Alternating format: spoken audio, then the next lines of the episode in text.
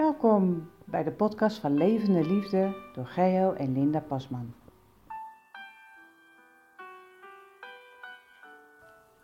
In deze derde aflevering van de podcastserie over het Houd Vast programma gaan we het hebben over pijnplekken vinden. Over die gevoelige plekken die we allemaal hebben, afhankelijk van je karakter, je hechtingsgeschiedenis, je huidige relatie of bijvoorbeeld de trauma's die je hebt meegemaakt. Liefde brengt kwetsbaarheid met zich mee, maar hoe jij daarmee omgaat, dat is een keuze. Die gevoelige pijnplekken zijn ontstaan op het moment dat jij vroeger iets nodig had van een veilig hechtingsfiguur in je leven. Bijvoorbeeld je ouders, een leraar, een vriendje, een vriendinnetje of misschien wel je vorige partner of in je huidige relatie. En je werd alleen gelaten of afgewezen. Je had steun, troost, hulp, bevestiging nodig en het was er niet. En dan krijg je die overtuiging van zie je wel, als het moeilijk wordt in het leven moet ik het alleen doen. Dan is er niemand voor mij. Of bijvoorbeeld, je kan het toch niet goed doen. Altijd is er wel iets of iemand die het beter doet. Nou, en op dat soort momenten ontstaan die pijnplekken, die gevoeligheden die later weer opspelen en getriggerd worden. Universele pijnplekken hebben we allemaal. Ze komen voort uit angst, angst voor afwijzing of angst voor verlating, maar ook van pijn, van het verdriet, pijn van verlies. Maar ook schaamte, dat is de angst om het niet waar te zijn. In het Hou Vast programma gaan we naar die gevoelige plekken kijken. Welke zijn dat? En we gaan kijken wat heb je dan nodig als zo'n gevoeligheid, zo'n pijnplek getrekkerd wordt, geraakt wordt. Wat we ook doen in het Hou programma is terugkijken op zo'n ruzie, op zo'n onveiligheid, op een crisis. Dan gaan we stappen kijken om te kijken of we het kunnen stoppen. Als we ruzie hebben, hey, kunnen we het dan herkennen? Want als we het kunnen herkennen, kunnen we het ook stoppen. En dan kan ik ook de verantwoordelijkheid nemen voor mijn eigen stappen. Oh, ik ben weer aan het aanvallen. Of ik ben weer aan het terugtrekken. En dan neem je je verantwoordelijkheid voor je eigen gevoel. Ik voel me nou echt boos. Ik voel me gefrustreerd, geërgerd, geïrriteerd of wat er ook aan de hand is. En dan laat ik merken dat je bewust bent van jouw gedrag, van jouw woorden, van jouw uitstraling, dat die echt iets doet met de ander. hey, ik weet dat mijn aanval of mijn terugtrekken iets krachtigs met jou doet. En vraag dan eens naar die diepere gevoelens van die ander. Kun je mij vertellen wat dat met jou doet? En daarna kan ik dan bij mij naar binnen kijken en kijken wat bij mij precies aan de hand is. Mijn allerdiepste gevoelens. Mijn angst, mijn verdriet, mijn eenzaamheid, mijn verlatenheid. En dan kun je ruimte maken om weer verbinding te maken. En wat zegt de Bijbel daar eigenlijk van, Geo? Ja, wat zegt de Bijbel nou over pijnplekken? Dat is toch wel een... Uh, ja, het komt heel veel in de Bijbel voor natuurlijk. Als je uh, door de psalmen heen leest met David. En in het Nieuwe Testament met alle apostelen. Die regelmatig toch wel uh, schuren met elkaar. En pijnplekken ondervinden. En ik was even aan het zoeken en ik kwam toch weer bij Paulus uit in de Galatenbrief. kwam ik deze keer uit. Ik wil met jullie lezen uit Galaten 6. En dan vanaf vers 1. Ik lees het weer uit de Bijbel in gewone taal omdat dat uh, de meest normale woorden zijn die we allemaal begrijpen.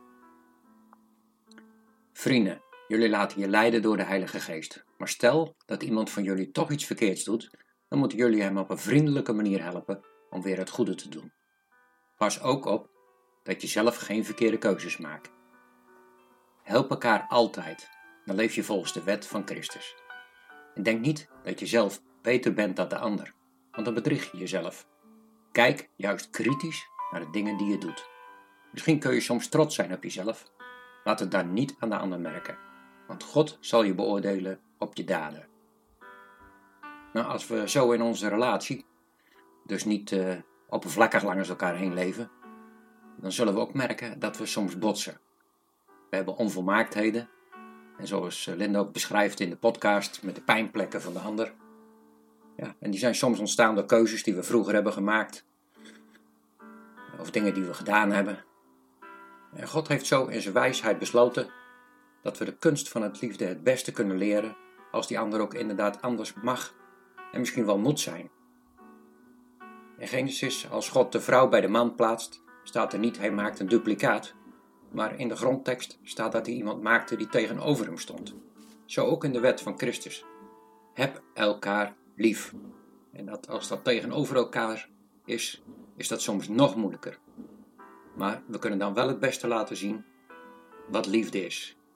En we moeten soms onszelf loslaten als we botsen met elkaar. Maar elkaar accepteren en vooral leren zien door de ogen van Christus. Ons perfecte voorbeeld. Zo kunnen we elkaar mogelijk accepteren, hierin groeien en een nog mooiere relatie creëren.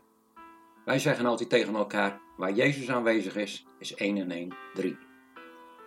Ik wil uh, kort afsluiten met jullie nog uit Galaten 5, vers 22, de vrucht van de geest.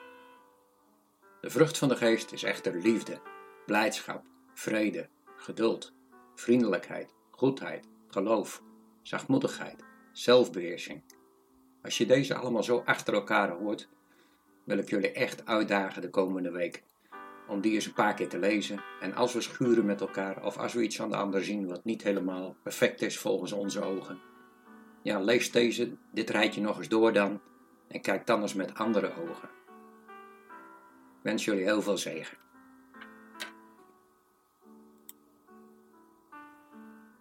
Die gevoelige plekken, die pijnplekken zoals Sue Johnson dat noemt in het boek Hou me vast, die hebben we dus allemaal. En vaak hebben ze te maken met een, een angst voor afgewezen te worden, een angst voor verlaten te worden.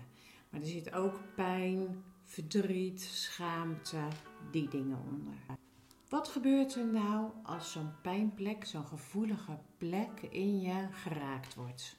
Als ik daar een voorbeeld van mezelf geef, ik heb een gevoeligheid, ik doe het niet goed en ik denk dat daar nog een, een laag dieper zit. Ik ben niet goed genoeg. Uh, en dat is eigenlijk een, een schaamteplek geworden. Ik ben het niet waard. Nou, die plek die is in mijn kindertijd al ontstaan. Ik kon minder goed leren als mijn broers uh, op dat moment. En ik haalde dus ook mindere cijfers. Ik had een vader die heel erg was van beter je best doen, haal eruit wat erin zit. En die boodschap die hij bracht om ons te stimuleren, is bij mij opgeslagen als ik ben niet goed, ik ben minder waard dan iemand die goed leert en die wel hoge cijfers haalt. Nou, die gevoelige plek zit er nou eenmaal bij mij. Als nu Geo bijvoorbeeld mijn positieve feedback wil geven. Hij wil mij motiveren om iets beter of anders te doen dan dat ik gedaan heb. Wordt gelijk bij mij die plek geraakt.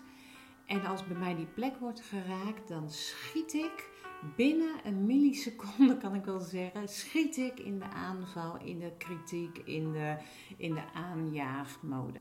En als ik dat doe, doet dat weer iets krachtigs met Geo, zoals we al in eerdere podcast hebben gehoord. En vervallen we in ons patroon, in onze dans, waar we dan in terechtkomen. Mijn reactie heeft niets met Geo's feedback te maken, maar mijn reactie komt doordat mijn oude pijnplek, mijn gevoeligheid, ik doe het niet goed, ik ben niet goed en wat eronder zit, ik heb minder waarde. Dat wordt geraakt en daar reageer ik op. Ik reageer op die oude pijnplek. Het gevolg is wel dat we gelijk in ons patroon schieten. Wat wij dan moeten doen is zeggen: hé, hey, we doen het weer, stop.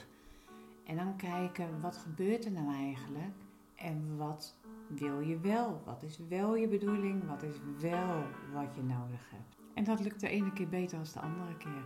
Maar hoe vaker we dit in de gaten hebben en dat we snappen, hé, hey, mijn reactie komt niet van wat jij doet, maar komt eigenlijk omdat mijn oude pijnplek wordt getriggerd. Hoe vaker we dat naar elkaar uitspreken, hoe beter we elkaar daarin kunnen helpen en kunnen het herkennen van, oh, het gebeurt weer, we doen het weer. Wat wij dan nodig hebben is dat hou vast gesprek. En daar gaan we het de volgende keer over hebben. In de volgende podcast over het Houd me vast gesprek. Dankjewel voor het luisteren en tot de volgende keer. Kijk voor meer informatie op onze website www.stichtinglevendeliefde.nl en ga voor je mooiste relatie.